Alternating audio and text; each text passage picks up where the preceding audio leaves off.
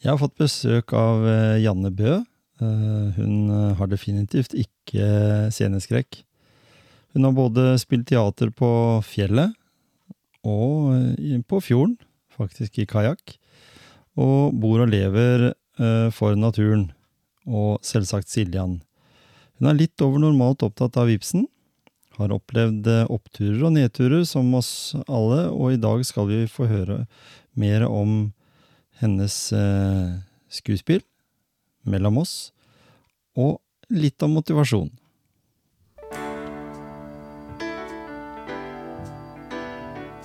Ny fredag, Magnus. Vi gleder oss til motivasjonspreik, gjør vi ikke det? Det gjør vi, Tom Kjetil. Og så er det en fantastisk gjest som er her i dag òg. Vi er heldige.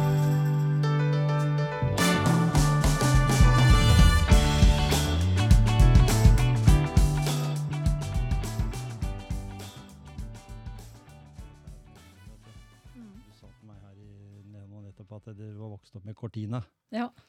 Eh, så var jeg vokst opp med Rambler og sånne rare bilmerker, for faren min han bytta til seg noe sånn rart som ikke var eh, egentlig nesten lov å kjøre med i Norge engang. Ja, jeg har har aldri hørt om det, må jeg innrømme. Det var sikkert noe à la det vi tenkte når det kom biler fra Russland etter hvert, jeg tror. En amerikansk utgave av noe østeuropeisk eller noe sånt. Du er kjent fra musikk og teater. Du kommer med et stykke nå på nypremiere i, i Skien. Eh, på Ibsenhuset, faktisk. Mm, Som heter Mellom oss. mm. Jeg syns jo det når jeg så at det kom et sånt stykke, og jeg vet eh, bakgrunnen for din historie, ting som du er opptatt av eh, og brenner for, og sånn, så tenkte jeg at det her ligger det mye Janne i, i stykket òg, vil jeg tro. Men du skal fortelle mer om disse tre personene, og hvordan du har forma det. Kaller vi teater? Mm. Gjør det. Ja. Mm. Og, og da, for det, her står, står du alene på scenen, for det har du gjort en god del. ja, eh, nei, Du jeg spiller har ikke alle tre en, karri- karakterene.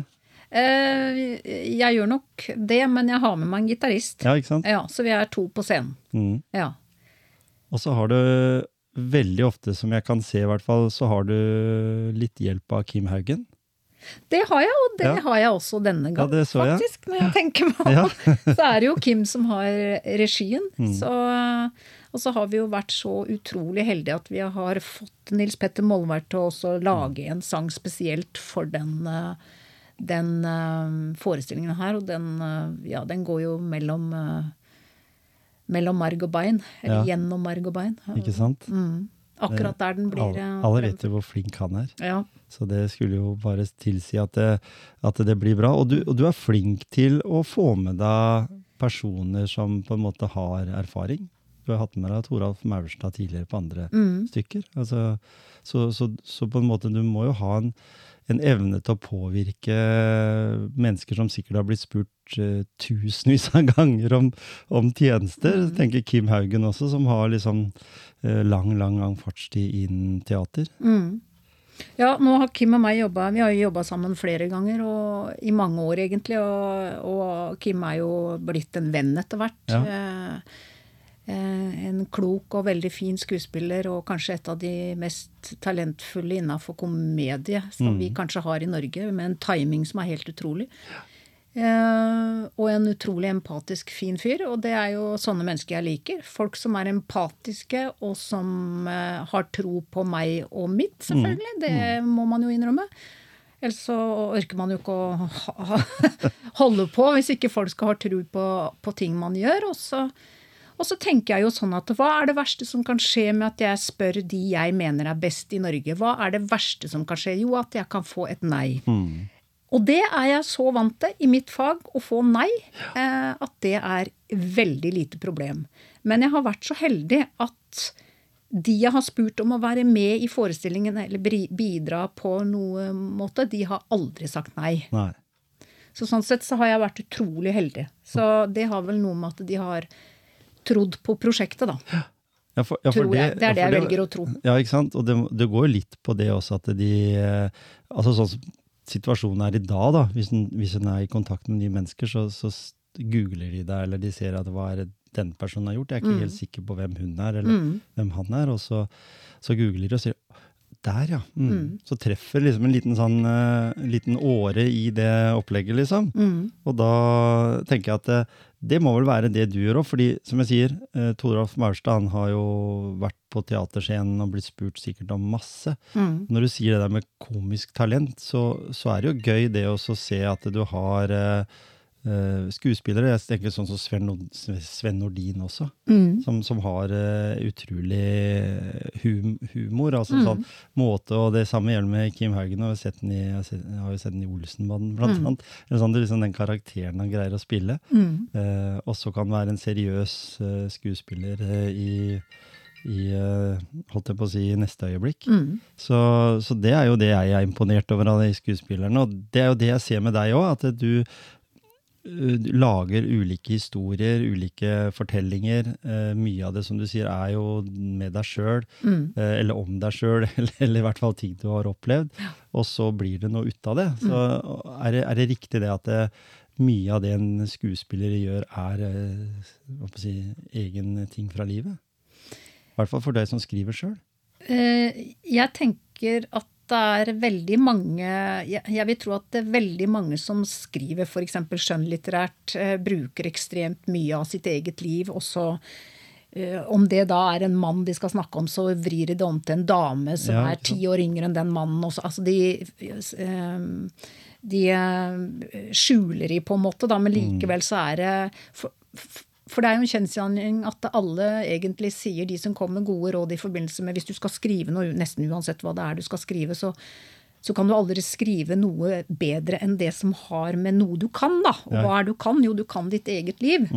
Og så tenker jeg at jeg har ikke noe sånn veldig spesielt liv, jeg. Så eh, eh, Som gjør at eh, når jeg har opplevd ting, om det er død eller begravelser, holdt jeg på å si, eller brylluper eller fødsler eller hva det nå er, så Når du nå da skal stå på scenen på Ibsenhuset, er det, er det, en, er det noe spesiell scene for deg? Ibsenhuset er den første altså I Dovregubbens hall og Ibsenhuset, den store, kule scenen, det er første scenen jeg noensinne sto på. Da var jeg eh, veldig Altså veldig ung, men jeg var i tenåra i hvert fall. Tidlig i tenåra. Og da hadde jeg fått en rolle i sammen med Den Norske Operaen, som kom og gjesta. gjesta. Ja. Um, og da var jeg så uerfaren at jeg da hadde fått noen Jeg fikk noen replikker og greier, og syntes dette var så pinlig å si at jeg lo og fnisa og fikk kjeft og liksom litt den stilen der. Ja, ja. så jeg var ikke Jeg var veldig lenge ung i huet, da. Jeg håper jeg er det ennå, men Men mange av kollegaene dine har jo også sagt at det er en spesiell scene å stå på. Ibsenhuset var jo tidlig en sånn type arena. Vi Ja. snakker om lyd. ikke sant? Jeg husker Mm. Dizzie Tunes sa jo, selv om ikke de drev med teater, så drev de i hvert fall med revy-type. Ja. Og så sa jo det at det var veldig spesielt å være på Ibsenhuset. Mm. Og jeg har faktisk uh, krypet på alle fire jeg, på scenen på Ibsenhuset sjøl. Ja. Når jeg var uh, ikke så veldig gamle poden. Jeg Mm. var løve i, uh, i den herre Folk og røver i Kardemommeby. Ah, ja, akkurat. Så, med en sånn parkasfòr, husker jeg. For det var det vi hadde. Vi to, tok hva vi hadde. Men jeg, jeg tror kanskje, når jeg sitter og tenker nå, så tror jeg kanskje at grunnen til at Ibsenhuset blir så fint å være på, det er fordi det alltid har vært hyggelige mennesker som har jobba der. Ja. Det har alltid vært utrolig trivelige mennesker som har jobba der. Og det er jo folk som jobber der nesten nå, som var der når jeg var der første gang. Det må jo ha noe å si, det. Ja. At det har noe med miljøet å gjøre. At ikke Ja. det er gjennomtrekk så, som det.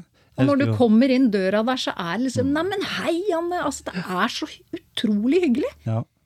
Og så har vi jo hatt, vært så heldige at vi har jo hatt Erik som har vært der eh, mange år nå. Så har det jo kommet en ny, Andreas, mener jeg han heter.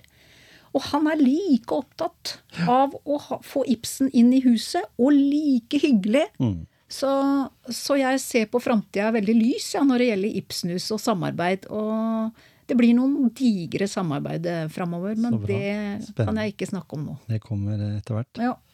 Mellom oss, Ja. mellom oss også, Ja, altså, mellom oss sagt, ja.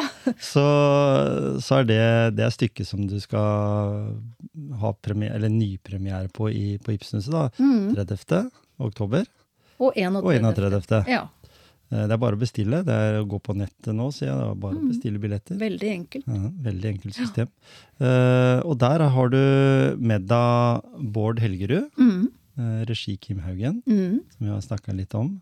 Uh, Nils Petter Molvær og Mm. Som Janne Bø, som står i sentrum Ja. av dette. Ja. Og det har du vært vant til. Du har, Ja. du har gjort dette her noen ganger. Stått på scenen aleine, enten det er på en fjelltopp, som jeg sa mm. i stad, eller om det er ute i en fjord. I Mm. bunad, til og med. ja. Jeg har ikke stått så mye i fjorden, men jeg har, eh, jeg har eh, vært i kajakk Ja, og spilt på fjorden. Med alle publikummere i kajakk. Mm. Det er nok ikke så mange som har gjort i verden. Det er sjeldent. Og, det, og, og bare for å før vi går litt dypere inn imellom oss, da, Mm. eh, så var du oppe i litt eh, kjøligere strøk her òg, Mm. for litt siden. Ja, da eh, du Langt tenker nord. på Langt nord, ja. Ja. Du tenker på Nuuk, ja. Grønland. Mm. Ja, jøsse navn. For, en, eh, for en plass. Det må jo være en veldig spesiell opplevelse. Det er jo sånn du Once in a lifetime, tenker jeg. Ja, nei, det var veldig spesielt. Det var, da spilte jeg jo på Nationaltheatret, og da spilte jeg jo 'Leve er en kunst', eller på engelsk, da. Mm. Ehm, og det var jo veldig nære. Vi måtte avlyse hele dritten, holdt jeg på å si, men alt sammen, for det var jo noe vanvittig vær. Ja. Så det var jo eh, full storm og greier, og folk skulle komme seg ned til teater. Så det var jo liksom litt sånn krise en stund der. Så tenkte jeg gode gud, her har jeg liksom fått støtte fra fire land for Ja, å reise til Grønland.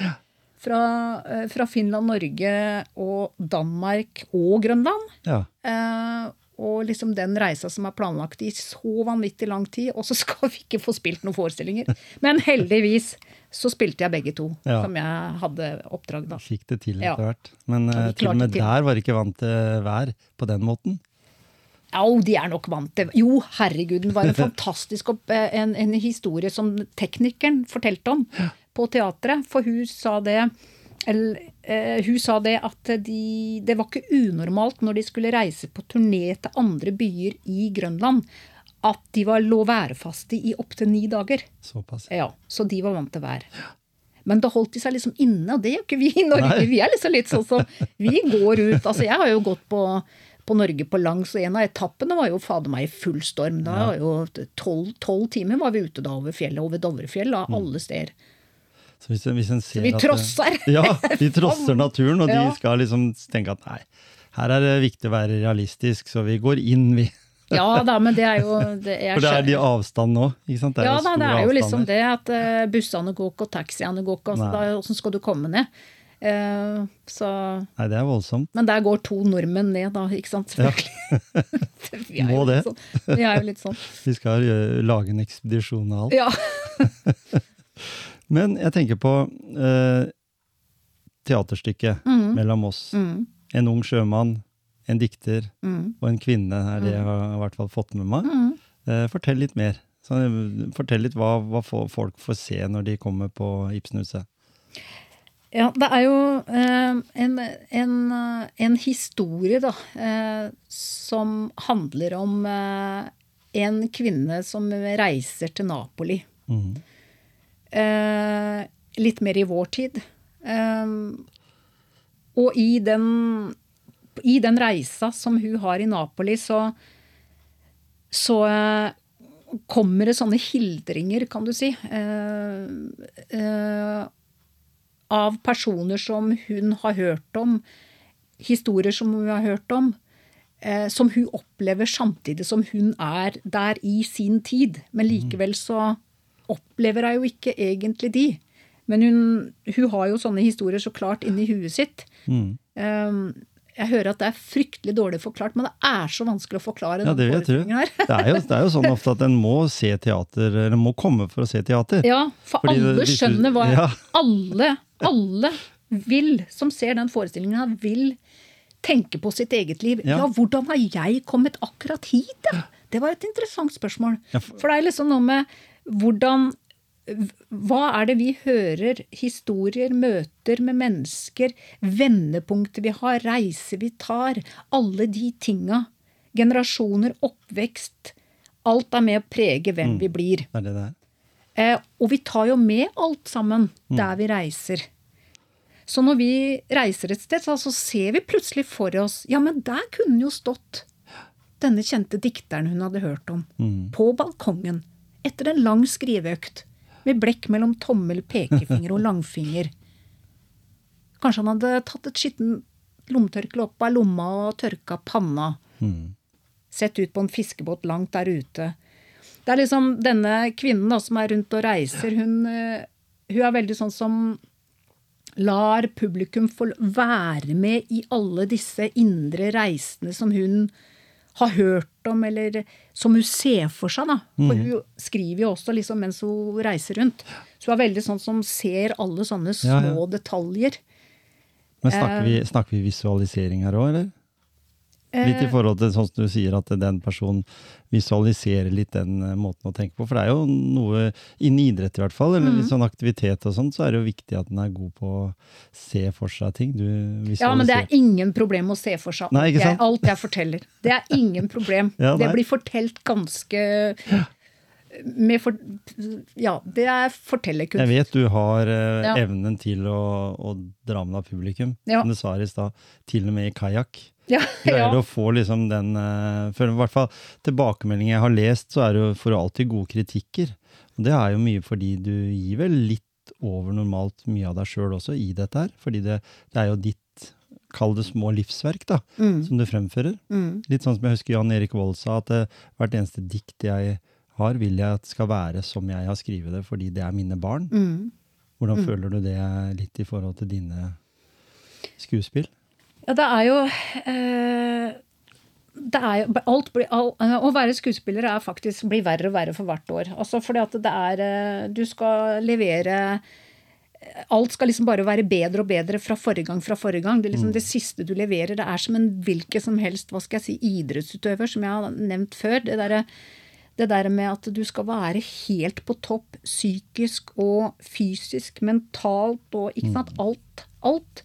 Og det krever en helt sinnssyk jobb. Ja. Rett og slett. Bare å pugge teksten, det er én del av så utrolig mye. Mm. Og, at, og det er ikke noe rart at idrettsutøvere slutter når de er 2-33, for de orker jo ikke mer. Men vi skuespillere, vi holder jo altså Se på Toralf Maurstad, han sto jo på scenen for to år siden. ja. Nå kan han ikke det lenger, men uh, Da ble jeg nesten frakta rundt. Men, uh, men det er eh, Det er jo en lidenskap som gjør at man orker, da. Mm. Uh, og så er det jo den enorme kontakten med publikum noen ganger som du kan få. Du får overhodet ikke det på hver forestilling, men noen ganger så er det helt magi. Mm. Det er helt stille. Du hører bare at det liksom Summinga av vannet, hvis det er sjøen, hvis det er det man Og du ser alle liksom nesten sitter og vugger av altså, For det at noen mennesker har en utrolig stor og veldig bra evne til å kunne leve seg inn i en sånn teaterforestilling. Da. Og det er det du må gjøre. Du må ha evnen til å sette deg tilbake, legge vekk all kritikk av livet, og så, og så bare være med på denne lille reisa, liksom. Det er da du får mest utbytte av hele den forestillingen, men det er da også det kan bli magi for alle som sitter og ser på. Mm. Og det er ikke tvil om at uh, teater det er jo en helt annen opplevelse enn å se en film. For eksempel. Fordi uh, selv om du kan gjøre om teater til film, så, så, så vet jeg alltid sånn hvis vi har vært på Teater Ibsen og vært, vært på, i teater, da, så tenker jeg åh, dette her må vi i hvert fall gjøre oftere. Ja. Det er jo så ekstremt gøy.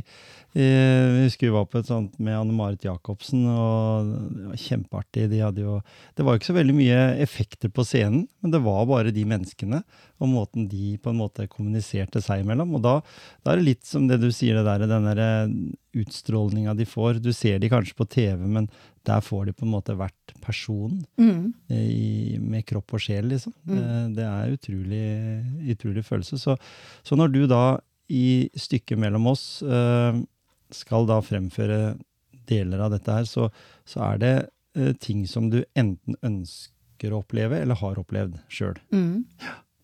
Og det er mye av dine fortellinger i det, både når du skriver bøker og, og når du fremfører ulike forestillinger, så er det mye innhold av selvopplevde ting, Mm. eh, eller ønsker om ting du kunne tenkt deg å oppleve, ha, ha opplevd. Eller Nei, det er stort sett sant. Ja, sant? alt, alt er stort sett uh, sant. Og det som er litt interessant med den forestillingen her, for jeg er jo sånn som hele tida prøver å utvikle hvordan jeg skal skrive en forestilling. Det skal ikke bare være at ok, vi skriver noen replikker og så noe Men det er liksom hvordan kan jeg skrive en uh, skjønnlitterær roman, og så fremføre den på scenen? Um, og bruke skjønnlitterær Ikke språk, det må du for guds skyld ikke, ikke gjøre, for det, det, det tror jeg hadde blitt veldig stivt og rart for folk. Men, men å bruke oppbygginga. Så det betyr at jeg har Jeg legger ut mange tråder eh, og såkorn som på en måte vokser gjennom forestillingen, som folk ikke aner hva jeg skal med. Og én ting er 100% sikkert, at de skjønner hvem den ene personen er. Og etter hvert så skjønner de hvem person nummer to er. Men hvem person nummer tre er, det er det ingen som skjønner før på slutten, og da får de litt bakoversveis. Og det er så kult når du kan lage det nesten som en slags sånn altså Skikkelig bygge opp dramatikken, da. Da, da, da, da. Det blir som en sånn derre eh, altså, filharmonisk orkester, ikke sant, hvor du skal ha litt ord der, og så skal du ha litt eh, trommer der, og så skal du ha litt eh, litt fiolin der, og så skal du ha mer, mer trommer der, og så plutselig så Dægen! Hva fader skjedde nå, liksom? Det forventa jeg ikke. Og det er det jeg prøvde å få til med den forestillinga her, som, som jeg føler jeg har, eh, har klart, da. Og, og, du, og da når, når en tenker sånn Du sier jo eh, at hele, hele kjemien i forestillingen, da, at det er, at det er action på en sånn, sånn egen måte. da, At du får liksom en story som du må følge med. Ja, du må- du, kan, du må liksom gå inn i, eh, som publikummer og, og leve deg inn i det som skjer på scenen. Ja. Eh, sånn i forhold til regi, altså Kim Haugen med, med ekstremt lang erfaring. Eh, når du, som du sier, for det er jo mye av deg og måten du ønsker å lage forestillingen, du skriver forestillingen. og så hva er det du spør Kim om da? liksom? Fremfører du en sånn liten sekvens, og så sitter han og så ser på deg, og så sier han nei, gjør det sånn isteden? Eller er det bare at, at du må ha han som en mentor? eller altså, For han har jo sikkert ekstremt mye små detaljer som man kan liksom pirke på han som har gjort det meste i teater. Det er eh, Grunnen til liksom å bruke en sånn kapasitet som Kim, det er at jeg får et kvalitetsstempel på, på forestillingen.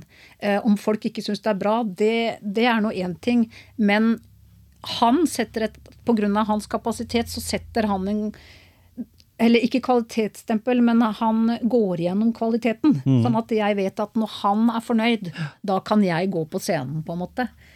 Eh, og han kan jo stå og si 'dette er jo helt jævlig, Janne', 'dette er jo dritdårlig', og sånt. Og nei, det kan du ikke si, og du kan ikke gjøre det sånn, og nei, det går ikke an, og Det som er så fint med han, han er utrolig effektiv.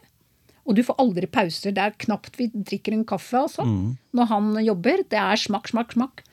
Og jeg liker jo den form for jobb, eh, måten å jobbe på, men jeg har behov for pauser. Eh, for når du står på scenen, så må du nødt til å rense huet med å sitte og bare liksom slappe av lite grann. Det er veldig intens å ha all fokus på deg hele tida. Det er ekstremt intens. Men han er brutalt ærlig, og så endrer vi saker og ting, og, så, og det kan være veldig detalj ned i helt den minste detalj. Alt, alt fra hvordan jeg skal si et ord, til, til eh, liksom helheten, da. Hvordan jeg skal gjøre hele scenen, på en måte.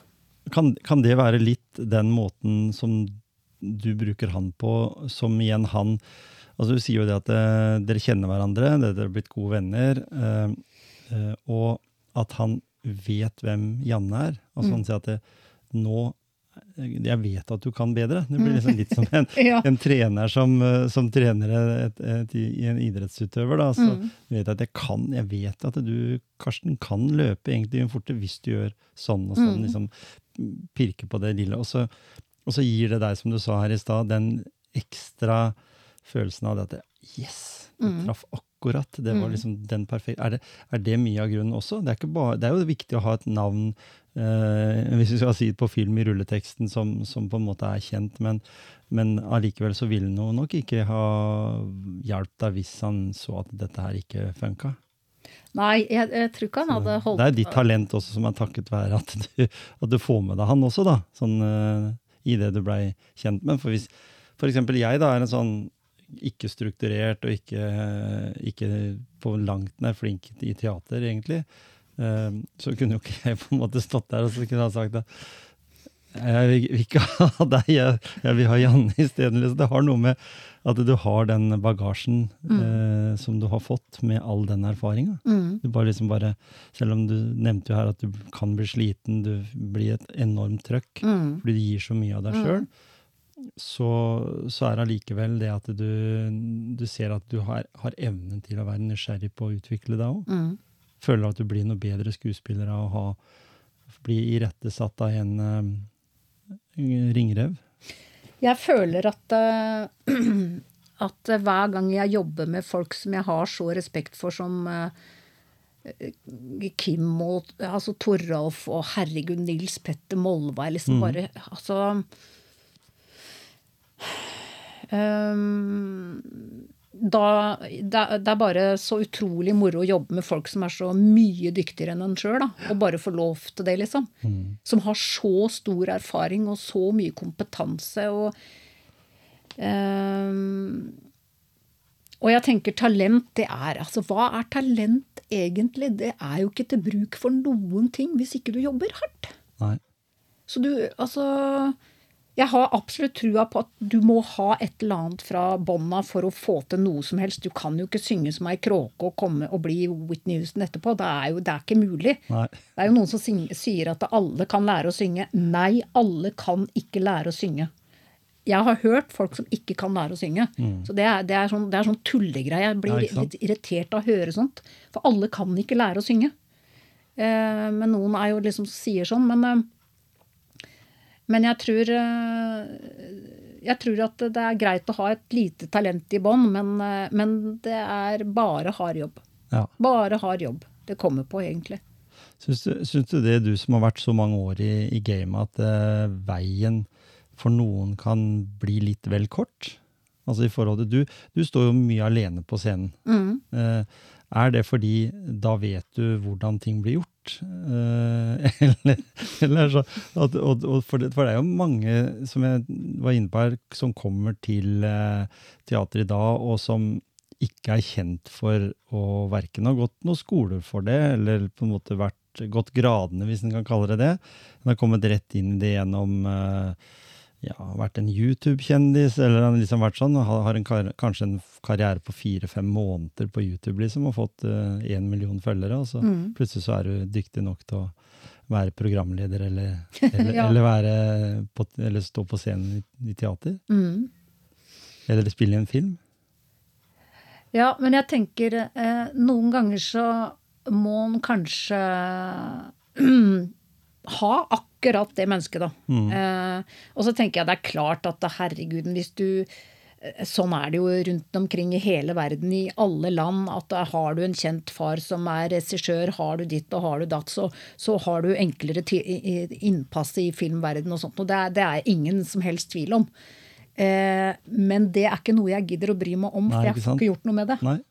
Så det, det eneste jeg kan gjøre, det er egentlig bare jobbe hardt. Ja.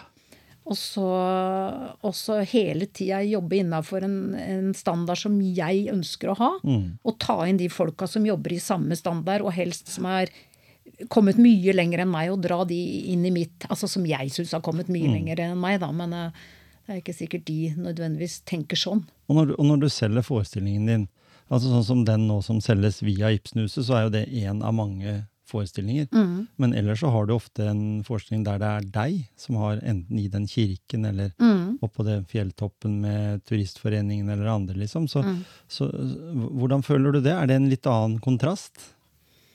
Du har, du, ikke, du har, ikke, så kontroll på det gjennom hvor mange seter som blir solgt i gipsnus, i forhold til kanskje mer når du går en tur opp på et høyt fjell, og der skal det være en gitt eh, setting. For de som er der, de er dedikerte. Mm. Eh, mens eh, de som eh, kommer på Ibsenhuset, er jo også dedikerte, men de er også litt for å bli underholdt. Mm. På en litt annen måte, mm. tenker jeg. Ja, jeg er ikke sikker på om jeg skjønte helt spørsmålet ditt. Jeg tenker på, det, Ibsenhuset har jo er x antall seter, da. Ja. Og noen blar litt i boka. ikke sant? Å, ja, 'Vi drar på det med Janne Bø'. Det kan være ålreit. Eh, og så slår jeg i hjel en kveld, for å si det på den måten. Eh, mens de som går opp på et fjell, Ja. tenker jeg da, eller, eller risikerer ut i en kajakk, mm. og som kanskje ikke har gjort det så mye, for å høre på deg eller, eller se det du fremfører, de er jo ekstremt dedikerte. Mm. De menneskene som er der, de har sikkert Det lyser av øynene på de. Mm. Mens, mens når du kommer da på en teaterscene som, som på en måte tenker på de som spiller revy hver dag i, i, i ti uker, da, eh, så betyr kanskje ikke publikum noe på samme måten som det du treffer de 100 eller 200 som kommer opp på fjellet. Jeg vet ikke, Er det noe, bare noe jeg tenker? Jeg tror at det er jo ek, ekstremt eh, Jeg har snakka med artister som sier at de syns det er verre å spille for fem stykker i et lite rom enn Ja. for 5000. I, Ja, hvis du tenker sånn. Ja. så litt den der nærheten og tettheten, og du kjenner liksom eller nesten kroppslukta til andre. er de fordi vi syns synd på publikum. Vi syns synd på publikum hvis det bare er fem der, for jeg har spilt for fem. Ja, Jeg husker, husker jeg gjorde det en gang. Eh, og da er det nesten sånn at du spør har dere lyst til å se forestillingen. Går det greit for dere, eller? For noen kun, kan jo føle det veldig Ja, ja. Sånn intenst og liksom ikke flere publikummere. Men eh, eh, eh, for å si det sånn, eh, uansett eh, jeg, er, jeg er veldig vant til å spille for begge deler. Altså, Jeg er vant til å spille for 15, jeg. Eh, og vant til å spille, og, og kan ha liksom 1000 på Gaustatoppen. ikke Ja. sant? Det er jo liksom bare helt spinnvilt. Uh, men uh, Det ville vært en sånn drømmescenario for meg hvis jeg skulle hatt noe fremfor den, og så hatt liksom 1000 stykker på, et, på Gaustatoppen, eller på, Ja. i, en, i en sånn greie. For mer enn kanskje 5000 på en eh, Oslo Spektrum eller noe sånt. Ja. liksom. Selv om det gir mer penger, Mm. så, så er det jo ofte ikke penger som driver en. Nei. Så ville en kanskje ha gått bort og fått seg en Nei, vanlig da 9-4 hadde jeg nok gjort. Da hadde jeg nok eh, tatt noen andre jobber som jeg sannsynligvis hadde hatt muligheten til å få opp gjennom livet. Ikke sant? Ja, det hadde jeg nok gjort. Men for, for meg så er absolutt alle publikummere like viktig. Mm. Og jeg elsker de alle. Fordi at jeg syns det er fantastisk hver gang noen tar av sin dyrebare tid, Mm. setter seg sammen og gir meg en hel time av livet deres for å sitte og høre på meg. Helt vanvittig. Ja. Og det syns jeg selv etter 27 år i den bransjen her, Mm. så er det fortsatt like fantastisk hver gang folk gidder å, å, å vie meg litt tid. Så bra. Altså, det, Mm. det er midt i mitt uh, indre hjerte, da, på en måte, Mm. dette med motivasjon. At det, det fortsatt er det som motiverer deg. Det å se at eh, publikum elsker å være på, på forestillingen din. da. Mm. Og, du ikke, og du har jo ikke en lang rolleliste, som jeg sier. Liksom, hvis du liksom hadde hatt med deg fire, fem, seks, hadde det vært, vært ti stykker på Mm. rollelista, da, så, Mm. så er det noen som sier å, jeg vil på teatret fordi da den er der, Mm. og den og den. Mens du, det er på en måte deg de kommer for å, for å se, egentlig. Selv om du fremfører forskjellige typer stykker, Mm. så er det deg de kommer for å se. Ja, og det er jo veldig skremmende, for du er livredd hver, hver eneste gang om det kommer folk. Det er liksom en av de to tinga som du er redd for, det er å Mm. ikke huske teksten og ikke nesten vite hva du spiller, at du får helt blackout, Ja. og så at ikke folk kommer. Det er de to tinga. Det er helt, det, jeg er like redd hver gang. Ja. Og det blir verre og verre. Det er ikke noe moro. Ja, du, du merker det? Ja, ja, ja, det er ikke noe moro. Etter 27 år, Ja, når ja, man ja. kommer videre, sånn, så, så blir det mer og mer eh, ja, Ja. spennende at det, Ja.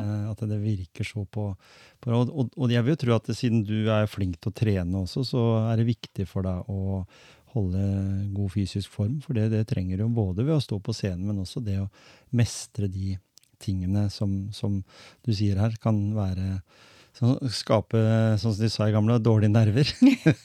ja. litt, litt på den måten der. Ja, men jeg prøver liksom å jobbe veldig mentalt da, og har opparbeida meg litt grann mentale verktøy som gjør at jeg kan eh, liksom ta de fram og Og så er det noe med den selvsnakken og herregud og dage, liksom. Du skal ikke redde noen liv, du skal ikke du, altså, det, altså, du, du spiller teater. Ærlig talt, Janne, slapp av litt, må jeg si til meg sjøl. Ja. Men eh, Er det en av teknikkene? ja, det er absolutt Hadde en. av altså, slapp Ja, ja. litt. Altså, I beg your pardon, så jækla alvorlig kan du ikke ta det. For jeg er sånn, liksom sånn overseriøs noen ganger, og det blir liksom Det blir sånn ja, det blir, det blir nesten motsatt av det jeg bør eh, Altså, jeg, sk- altså Seriøs er greit nok at den skal være, men må ikke bli helt tullete heller. Nei. Nei.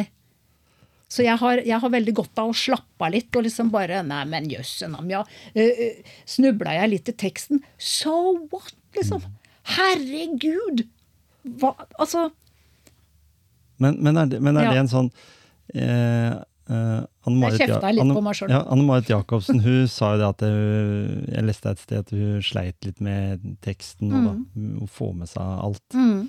Eh, så har hun kanskje da blitt en skikkelig dreven til å improvisere. Da. Ja, ja, ja, ja. andre ting uten at det merkes. Ja. da. Du blir litt sånn profesjonell på det området. Da. Men, men det, jo, det må jo være alle skuespillers mareritt. Begynne å streve med teksten.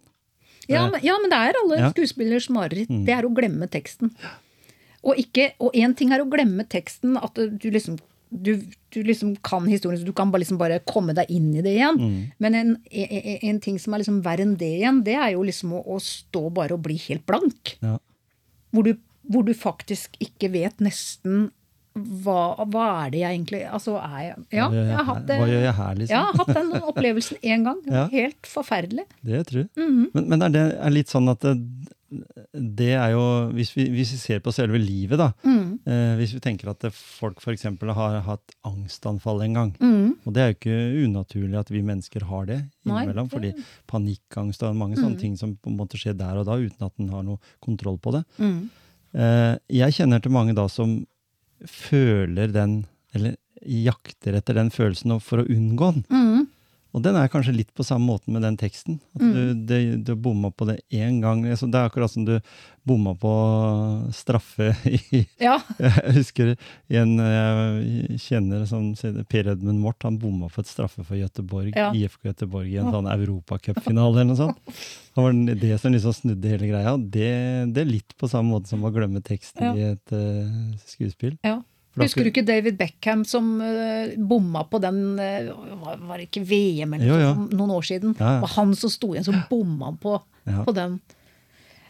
Du følger med på idrett? Nei, nei, jeg bare husker den eh, Jo, jeg gjør jo det. Ja. Altså på, jeg syns jo det er eh, ålreit å se skiskyting og, og ski og sånt nå. Jeg Ja. har jo fulgt med på det mye. Men hvordan tenker du med idretter som, eh, når vi er inne på det der med å prestere, da? Mm. Eh, vi har jo plutselig så har vi på en måte fått uh, noen i verdenstoppen innen fotball, tennis, Mm. golf. Mm. Jeg er jo en fotballspiller nå som de mener er verdt uh, ja, 11 milliarder norske kroner. Mm.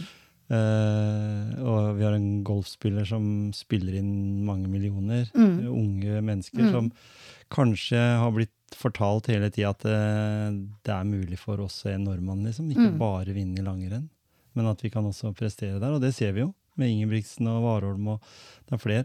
Um, har det noe med vår uh, identitet For når jeg lukker øynene og tenker på deg også, du som er opptatt av Ibsen, Mm. tenker jeg litt sånn Jeg har jo sett klipp på nett uh, der du fremfører uh, Ibsen, da, Mm. eh, med en enorm energi. Mm.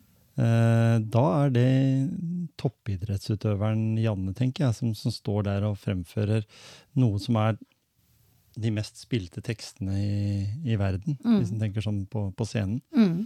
Eh, føler du litt stolthet av det? Når du, når du får du, viser, du er jo mye kropp, da. Du viser Mm. det, teksten, du, du fremhever liksom eh, det som blir sagt på en helt enorm måte, sånn at Mm. du trenger ikke liksom lyseffekter eller, eh, eller svære rigger for å skape det, fordi du lager hele den stemninga sjøl. Mm. Eh, og det kreves det jo at du er i god fysisk form, og holde Mm. det gående i en time eller mer. Mm. Hjelper det deg veldig godt å da være interessert i å sykle? Og være i eh, fysisk være i form, ja. fysisk form? Det er klart at når arbeidsplassen din kan være Besseggen, Ja. Eller Kjønholstinden på 2231 meter over havet, mm. der det ikke var sti engang, så er det klart at da må du være i god fysisk form. ja. Um, og det er klart at det, det er ikke så vanskelig for meg, det som alltid har trena, likt å trene, spilt, eh, spilt håndball, fotball, stått på langrenn. Hoppa på ski, gjorde jeg, altså, og, eh, og, begynte å danse, og da var det ingenting over eller under. Og så begynte jeg å sykle etter det. Så, Ja. um, så jeg bruker jo alt og er veldig, liker veldig godt å være ute i, i skog og mark. Og er veldig, altså faktisk glad i å trene. Til og med glad i å trene vekter som veldig få mennesker er. Men det er fordi at eh, jeg vet at eh, hvis ikke jeg er i god fysisk form, så eh, kommer jeg ikke til å være lykkelig. Nei. Nei. For jeg vet at helse er det er det viktigste i livet. Så jeg trener først. Mm. Og så gjør jeg alt det andre etterpå. Så pri én er alltid å trene. Jeg slurver aldri med trening. Nei. Så for hva har du hvis ikke du har helsa di? Nei, ikke sant? Da, da hjelper ikke om, Hvis jeg hadde hatt ti millioner i banken, da hadde ikke det hjulpet. Det hadde ikke vært noe så veldig stor glede med de hvis ikke jeg kunne brukt de. Nei, det er det, vet du. Så, og, og det er jo enkle grep en bør ta, eller en, en behøver ikke å gjøre det så veldig avansert når det gjelder trening. Nei? Eh, mange vil jo ha veldig stor utbytte av bare å gå turer, Mm, bare bruke skog og mark. mm, Eh, I livet ditt så har jo du, som jeg nevnte her i starten, eh, vært både oppturer og nedturer. Da, og, og du har mista familiemedlemmer, og det er mange av oss, det som Mm. mister familiemedlemmer. Men, men noen av de eh, tingene har vært litt mer også brutalt, eh, hvis en kan si det på den måten, eh, i ditt liv. mm. Eh, og når vi da snakker om trening, det å komme seg ut, eh, har du funnet noen gode eh, modeller for å, for å på en måte få et bedre liv eh, gjennom at en alltid må leve med de, det savnet eller de Jeg mener du har sagt et sted at du aldri var ens, er, aldri, er aldri ensom, selv om du har mista personer i, som har vært viktige i livet ditt. Så føler du ikke sjøl at du er ensom. Det har du sagt en gang. Ja, det kan godt hende jeg har sagt. eh, men eh, eh, Å miste sine aller, aller nærmeste nå, hvis, Som du vet, så mista jeg jo broren min i sommer, liksom. Så eh, På en veldig brutal måte. Så det er jo liksom ikke grenser for hva man skal gå igjennom. Men jeg sier som min eh, 84 år gamle mor, altså. Det, vi har ingen annen mulighet enn å bare gå videre, og så får sorgen komme når den kommer. Og så, og så får en leve og gjøre det beste ut av det. Vi har ingen andre muligheter til noen ting. Hva kan vi gjøre? Legge oss ned? Nei, det er jo ikke aktuelt. Men eh, eh, det som altså Apropos litt sånn du sier det der med ensomhet også. Det som kanskje er min aller største hemmelighet, som folk ikke vet om meg, det er at jeg er ekstremt introvert. Mm. Og da mener jeg ekstremt. Oh ja. ja. Ja. Alle tror jeg er en veldig sosial person. Fordi jeg ser sånn ut. Mhm. Fordi jeg er skuespiller. Fordi sånn og sånn og jeg sånn og sånn. Men eh, jeg er en ekstremt introvert person. Det, det eh, tror jeg er første gang jeg har nevnt noen gang i et intervju. For det alle bare tøyser av det, på en måte. Men, men det er faktisk sant. Det er bare å spørre min veldig gode venninne Gro Knutsen Mhm. Håndball, tidligere håndballspiller og en av Norges desidert beste på sitt eh, Altså når hun holdt på. ja. Så får du sannheten om eh, hvem eh, At jeg er en veldig introvert person. Ja. Jeg ing, hadde ikke hatt noen problemer og vært eh, eh, aleine på en hytte inn på fjellet i uke etter uke etter uke og ikke savne Og det høres helt grusomt ut, jeg vet det. For jeg er veldig glad i samboeren min, veldig glad i hunden min og glad i mamma og, glad i uh, alle Jeg har noen fantastiske venner og alt, men jeg er veldig introvert. Um, um, um, og det blir ikke bedre med åra, det blir verre. Så jeg var jo også sånn da jeg var yngre òg, at jeg var veldig Jeg var ikke introvert, for jeg var jo lekte veldig mye. Jeg lekte jo hele tida, skulle jo leke hele tida. Jeg skulle ta med alle og leke hele tida. Så jeg var jo veldig sånn. Men samtidig skulle jeg også inn og se på det jeg hadde strøket over med gul penn. Og det var opera, ballett, fjernsynsteater. Sånne ting. Og det måtte jeg få med. Da valgte jeg heller det enn å leke med alle ungene som, som skulle leke med meg. Så det er liksom sånn eh, Å kunne sitte allerede som veldig ung og, og, og skrive små noveller og leke at jeg var en annen karakter og tok på meg kjoler til mamma og vassa rundt i snøen rundt hus og sånne ting. Aleine, liksom. For det, det var gøy. Mm. Men, men, når du da eh, Du er jo aktiv på sosiale medier. Mm. Eh, liker å fortelle litt din historie, også spesielt rundt det når du skriver bøker og, og er på scenen og sånn. Eh, det er litt sånn plikt, da. Ja, når man ikke måtte, så Så tenker jeg det at du, du er jo Og så er du på hyttetur. Du, er, du liker å gå på ski. Mm. Du, du drar eh, oppover i fjellet, ikke sant? Og, og er det litt av det der å komme litt bort da, eller er det, som du sier, introvert? eh, Finne Mm. arenaer som du vet at her kan jeg være meg sjøl? Mm. Det å ta et bilde eller ta en filmsnutt, det, det har, har jo, bør jo ikke ha noe med hvordan en man er. Nei. Men det er bare at det er et lite øyeblikkssekund eh, som en dokumenterer da, Mm. for anledning, men så, men så er allikevel eh, stedet og Jeg vil jo si at hvis du skal gå Norge på langs, så må det jo være to forholdsvis eh, Ikke nødvendigvis introverte, men to mennesker som godt kan være aleine i Mm. mange, mange uker. Mm. Det er ikke gitt at alle kan det. Jeg tror ikke jeg hadde greid det. Nei. Sånn sett. Men jeg har jo fått høre at de er helt motsatte. da. Ja, du er det. Det er ekstrovert eh, Ja, du er det, ja. som type, så, så jeg Det eh, er, helt, det er fascinerende for meg. ja. Veldig fascinerende. Men jeg merker jo allikevel at når en blir eldre Ja, Det var som jeg sa her eh, før vi begynte intervjuet også. Men du er- liker folk. Altså, altså, Ja, ja. Jo flere, jo bedre, og det er koselig. Og, kom, bare kom, og liksom på. Jeg, jeg er ikke sånn som har altså. sånn har huset fullt av folk bestandig. Nei, nei. Men for, for hjemmearenaen er liksom en sånn greie som jeg føler at åh, her er det liksom deilig å, å være seg. Og så Mm. har du barn og barnebarn, og jeg blir jo sliten av små unger som Ja. springer rundt nå. Ja. Det gjør jeg jo. Kunne jo ikke vært pappa altså for andre gang. Det tror jeg aldri hadde greid. Da hadde jeg blitt lagt Men det er mange i vår alder som Ja, er litt sånn det er det, pappa for noe nummer to. Ja, For å ha små barn som nummer to. Nei, jeg tenker Den, den på tar, jeg tar med meg Jeg har noen ganger kollegaer som er det. Til meg eldre meg som har liksom små barn. Altså. ja, Jeg tar med meg som stolthet hvis jeg har vært ute og trilla og sagt at 'er du ute med pappa, du', da? Ja. ja, ja. Nei, det er barnebarn. ja. Det må jeg si Ja, det, da. Oi, jøss, jeg trodde du var mye yngre enn det.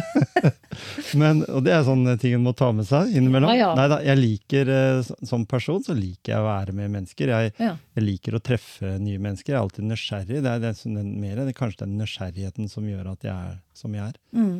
Så, så jeg er nok kanskje, hvis noen vil si at jeg er ikke ekstremt flink til å følge opp venner, det er jeg ikke. Jeg har jo noen nære venner, og vi vet, altså de vet godt hvordan jeg er, Mm. og jeg vet hvordan de er. Og så er vi ganske like, egentlig. Ja. Sånn når vi møtes, så skravler vi høl i huet på hverandre, og Mm. så er det sånn, og så likevel så er vi i en trygg, trygg setting, da, og Mm. vi vet hva vi kan snakke om.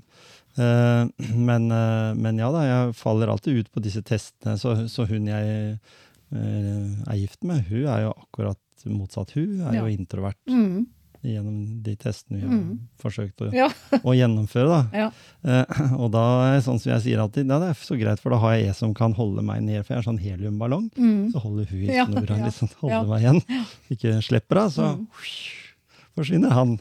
Så det er litt den der. Men, Mm. men som jeg sier, blitt 55, en begynner å føle at eh, en har landa en del prosjekter nå, da. Mm. Så det er ikke så viktig, liksom. Nei. Og, og, og, og litt det der som du sier, den terapien din med å si til deg sjøl at eh, nei, nå må du skjerpe deg. Mm. Nei, det, det der, hvor mye betyr det egentlig? Ja, nei, nei, nei. oppi, oppi alt. Ja, herregud. Så, for for det, det syns jeg er litt interessant. Du, som du sier, ja, for meg så var det veldig kult at du her på Motivasjonspreik forteller en uh, nyhet. Mm. Ja, ja, du for så vidt har visst, uh, visst om sjøl, egentlig, men som Ja. ingen har trodd på. Nei, folk Så, tror, så det var en eh, tror nesten ikke på det. Nei. Men allikevel, da, så er vi jo i eh, 2022. Mm. Nærmer oss 2023. Mm. Eh, og du nevnte noen store planer. Mm. Eh, er det sånn at eh, teaterklokka den tikker fortsatt eh, den rette veien for deg? At I forhold til hvor mange skuespill du har, det er masse nye planer, og sikkert en bok du holder på å skrive med òg? Mm. Ja. Er det sånn oppfølging til, eh, til den forrige? Nei da, det er ikke det. det er, uh, jeg er nesten ferdig, egentlig, men det er bare å få tid til å avslutte den Ja. helt, da, så du får sendt den av gårde. Mm. Men jeg, herregud, jeg er jo enig, jeg har skrevet, på i flere år, det òg. Men, uh, men uh, det er klart, når du har så store prosjekter, og nå skal jeg inn i veldig store prosjekter, så er det klart da da Det blir ikke, må, ikke det blir større enn eh, bare meg, for å si det sånn. Ja, det, er ikke, det er ikke bare meg som skal stå på scenen etter hvert da. Det blir veldig, veldig mange andre. Men ehm, Ja, for det tenkte jeg på. Når du har Kim Haugen, mhm. og du, du med den erfaringa di Du må jo bli spurt mye om, om du vil ha regien på noe. Fordi det, du har jo skikkelig peiling, ikke sant? Og hvorfor ikke stå regi Janne Bø? Jo, Altså og sånn jo, i forhold til ja, større oppsetninger der du kanskje bare er en liten del av det sjøl? ja. Ja, men regi er, folk, har folk spurt meg om eh, en del opp gjennom livet. Men Ja. jeg syns Altså, det er, det er gøy, men jeg, jeg er ikke regissør. Nei? Nei. Jeg syns en regissør skal være regissør, men det kan godt hende Men den lidenskapen du har av å stå der sjøl, det er det som teller for deg? Ja, det er, altså jeg er utøvende kunstner. Jeg er egentlig ikke instruktør, selv om jeg absolutt har gjort noen, eh, gjort noen store produksjoner der jeg har vært instruktør. Men eh, jeg er veldig glad i å være utøvende, så det er liksom nesten litt misunnelig da når at jeg ikke står på scenen sjøl. Ja. Nei, men det er liksom noe Ja, at det er, det er det jeg er utdanna til. Ja. Liksom, Å stå på scenen. Jeg er ikke utdanna instruktør. Det er eh, en annen type jobb innafor jobben. Mm. Når, du, når du tenker på sånn samfunnet ellers, som Janne som ikke verken som skuespiller eller teater, eller en som er opptatt av trening og sånt, og så, så, så, så har vi jo disse tinga vi, vi styrer med i hverdagen. Mm. Vi må nødt til å nevne at vi eh, har vært i en tid nå som har vært vanskelig for mange. Folk eh, har dårligere råd, det er høye strømpriser, det er eh, ja, høye bensin- og dieselpriser, selv om jeg mener at det, vi har jo alternative transportformer òg, hvis vi ikke har råd til å kjøre bil. Men, Ja. men vi prata litt om det her før eh, mikrofonen ble slått på. Det her med å på en måte bli litt reflektert rundt eh, Jeg sier jo sjøl jeg fikk et sånt eh, Om ikke en sånn eh, halleluja-opplevelse, men det ble liksom sånn at jeg tenkte at nei, jeg har lyst til å være flinkere på gjenbruk. Mm. Ikke kaste så mye. Jeg bare, liksom, fylte den der hengeren to ganger i året og kjørte på fyllinga med Mm. ting som det var for overflod her. Mm. Jeg tenkte at dette gidder jeg ikke mer. Nei. Jeg må kjøre på fyllinga nå, men da er det det vi kaller søppel, som, Ja. som du ikke kan hive i den søppeldunken. Mm. Men, men allikevel så liker jeg å kjøpe kopper fra 70-tallet, og gardiner som blir brukt til duk. Mm. Altså, liksom jeg syns det er så herlig å vite at det har levd. Mm. Og, men det var for meg så bare skjedde det noe. Mm. Jeg tror kanskje når jeg tenker etter at det ble når jeg var rundt 50, men det kan godt hende jeg var 52 òg. men, men, men hva tenker du om det? At, uh, har, vi, har vi muligheten til det å på en måte få tilgivelse for at vi har hatt, vært i altså Hvis vi tenker at vi har vokst opp på 80-, 90-, 2000-tallet, så har det vært sånn fråtsesamfunn i Norge. Vi er jo, har jo ubegrensa midler. Mm. Og så har vi jo sutra over eh, at det er små kvoter når vi reiser til Sverige. At, skal, at vi må smugle brennevin og alt fordi det er litt billigere der. Men, Ja. men allikevel så er vi jo der i dag at eh, mange sliter, som jeg nevnte. Mm. Eh, vi er ikke på langt nær i nærheten av den fattigdomsgrensa som de kan være i deler av England, til og med. Eh, I Spania, Italia. Uh, og ikke minst uh, enda lenger ned, og også i østeuropeiske land som, Mm. som sliter med, med krig og, og elendighet. Så, så er det vel sånn at eh, hva er det vi klager over? Er det litt sånn? Hvordan tenker du? Eh, ja, men, men samtidig så um, En ting at um, Altså, jeg er, jo i, jeg er jo i politikken i Siljan. Mm. Jeg er i Arbeiderpartiet og sitter i utvalg for samfunn. Mm. Eh, nå ta det litt med en klype salt, men jeg mener at det var At vi er eh, i hvert fall sånn 25 eh, mennesker i Siljan som er under eh, lave Altså, herregud, jeg klarer jo ikke Nå, skulle jeg hatt Aasland her. Ja. eh, for de klarer å si dette her på en helt annen måte enn meg, men som er under, under den lave inntektsgrensa. Da, som, altså, som har Der faktisk hver hundrelapp må vri og vendes på. Og i Siljan så snakker vi om hvor mange som bor. Eh, Ikke 2004 sant? Nå rundt ca. ja. Mm. Så det gikk jo en del i prosent. Ja, ja, ja, men altså, det er, liksom noe, det er jo et tankekors at det er eh, alltid noen rundt oss som nesten ikke har til akkurat det mest nødvendige. Mm. Og når de starter der, hvordan i all verden skal de klare seg nå, da? Ja. Det skjønner ikke jeg. Jeg skjønner ikke. Nei da. Jeg, jeg skjønner ikke. Nei, og jeg er enig i det, for sånn som jeg framførte det i stad, på en måte, da, så, så vi, kan det virke sånn som at det hva er det vi klager over. Det er ikke sånn jeg tenker, men jeg tenker at det, middelklassen og vi oppover, som, som kan på en måte vi, vi merker ikke så veldig mye til den situasjonen, som de som øh, jeg vet, Statistikken viser vel at det er alenemødre eh, Ja, det- som, som eh, sliter med det. Som har mm. barn som skal ha et sånn noenlunde eh, verdig livsgrunnlag mm. rent økonomisk. Som ikke kan være med på idrett, som ikke kan være med på andre typer aktiviteter. Som ikke har eh, mat på bordet så ofte som de ønsker. Så det er jo sånne ting, det er jo helt utenkelig. Og si- Skien er jo enda dårligere stilt. De har vel enda flere i forhold til eh, sånn prosentmessig i forhold til antall Ja, det har de så, sikkert. så, så det er jo en del jobb å gjøre her. Eh, kanskje blir det litt vel kamuflert, disse problemene, når eh, det hausas opp veldig mye. Jeg skjønner jo at strømmen er dyr, Den- men jeg tror nok ikke den er det største problemet for disse alenemødrene. Det er jo generelt at prisoppgangene prisoppgangen er for stor.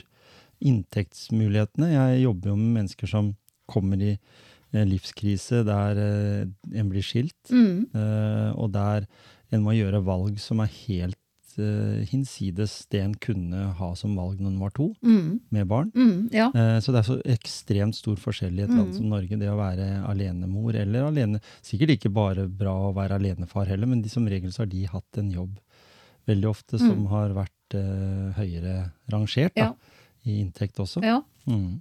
Og jeg tenker pris, eller altså lønningsnivået det stiger jo ikke på samme måte Nei. som alt stiger nå, av, av, ut, av, av avgifter og sånt. Det Mm. det, det er jo ikke nærheten, det.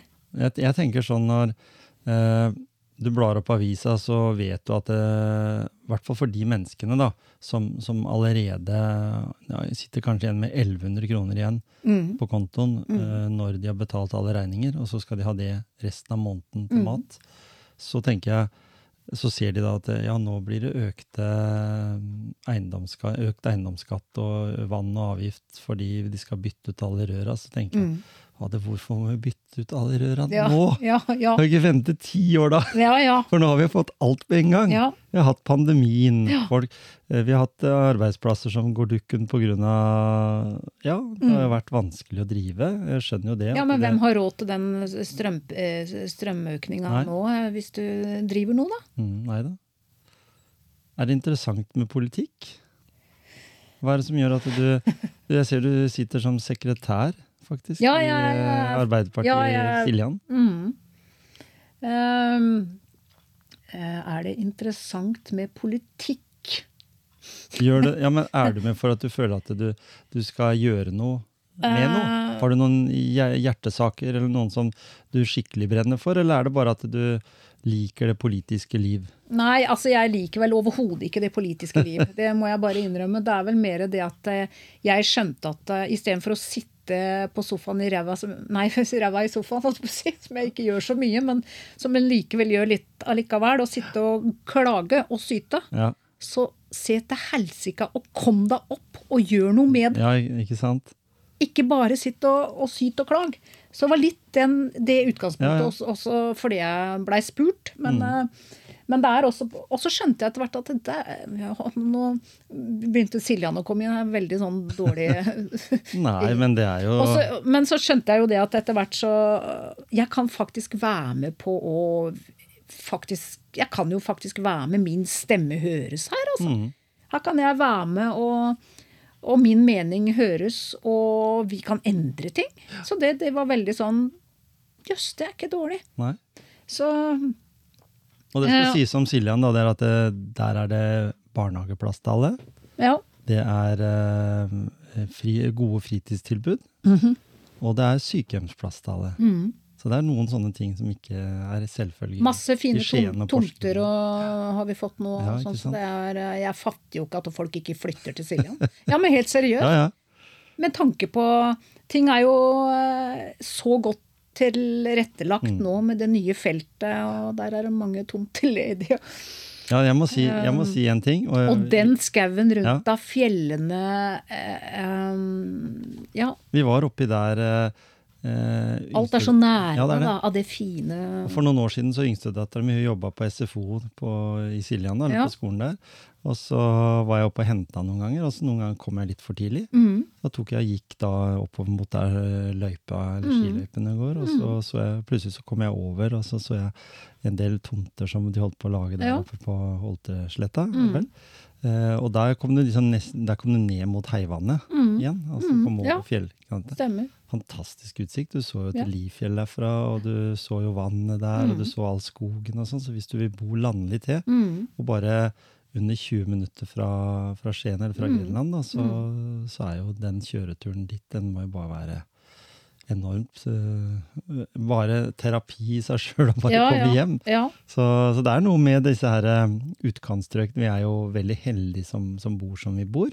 Uh, og allikevel så har vi jo personer som kanskje skulle fått hjelp på et eller annet vis, selv om det er ikke lett Og Vi er jo stolte mennesker. Det er ikke lett å stå fram og si at det, det er meg. Nei. Noen står fram i media, og, og de jeg har snakka med som jobber i mental helse og sånn tidlig, så, sånn gjør det, og de sier jo det at det, at det er noen som står fram, og da kommer det også flere som Mm. forteller historien sin og sånn. Men Ja, du tenker på folk som ikke ja, hvis det står en i avisa for eksempel, da, så sier at eh, jeg er fattig, jeg Mm. greier ikke å betale strømregningene Mm. mine, jeg har ikke jobb, mm, barna mine kan ikke være med på fotball fordi det koster 3000 kroner å være med i året, mm, liksom. ja.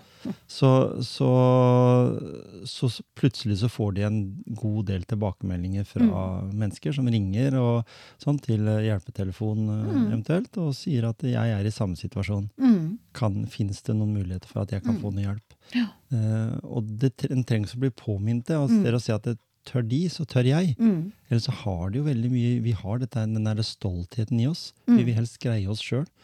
Men jeg tenker så fort du kommer til mindre sted, da, så er ting litt grann mer eh, Det er litt mer synlighet og Mm. hjelp til alt. Mm. Altså På godt og vondt. eh, på, ja, ja, selv på godt og vondt. Jeg vet ikke, liksom, men eh,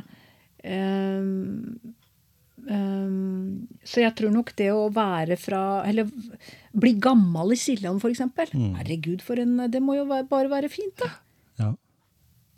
De har jo eldre boliger rundt butikken og rundt eh, sykehjemmet og rundt Altså, de har jo la, la, lagt til rette, så det er eh, Mm. Jeg på mora mi, hun bor jo i, i en egen leilighet. Det er ikke noe sånn eh, hvor hun får hjelp, liksom, at folk Men det er liksom laga så nærhet til Nærhet til alt. som er. Ja. Mm. Og det at det hvis Forhåpentligvis så, blir, så skal hun ikke innom sykehjemmet før hun uh, sovner inn. Men, eh, så, men hvis hun må det, så, Mm. så, så er det plass. Og hun kjenner stort sett de som er der Mm.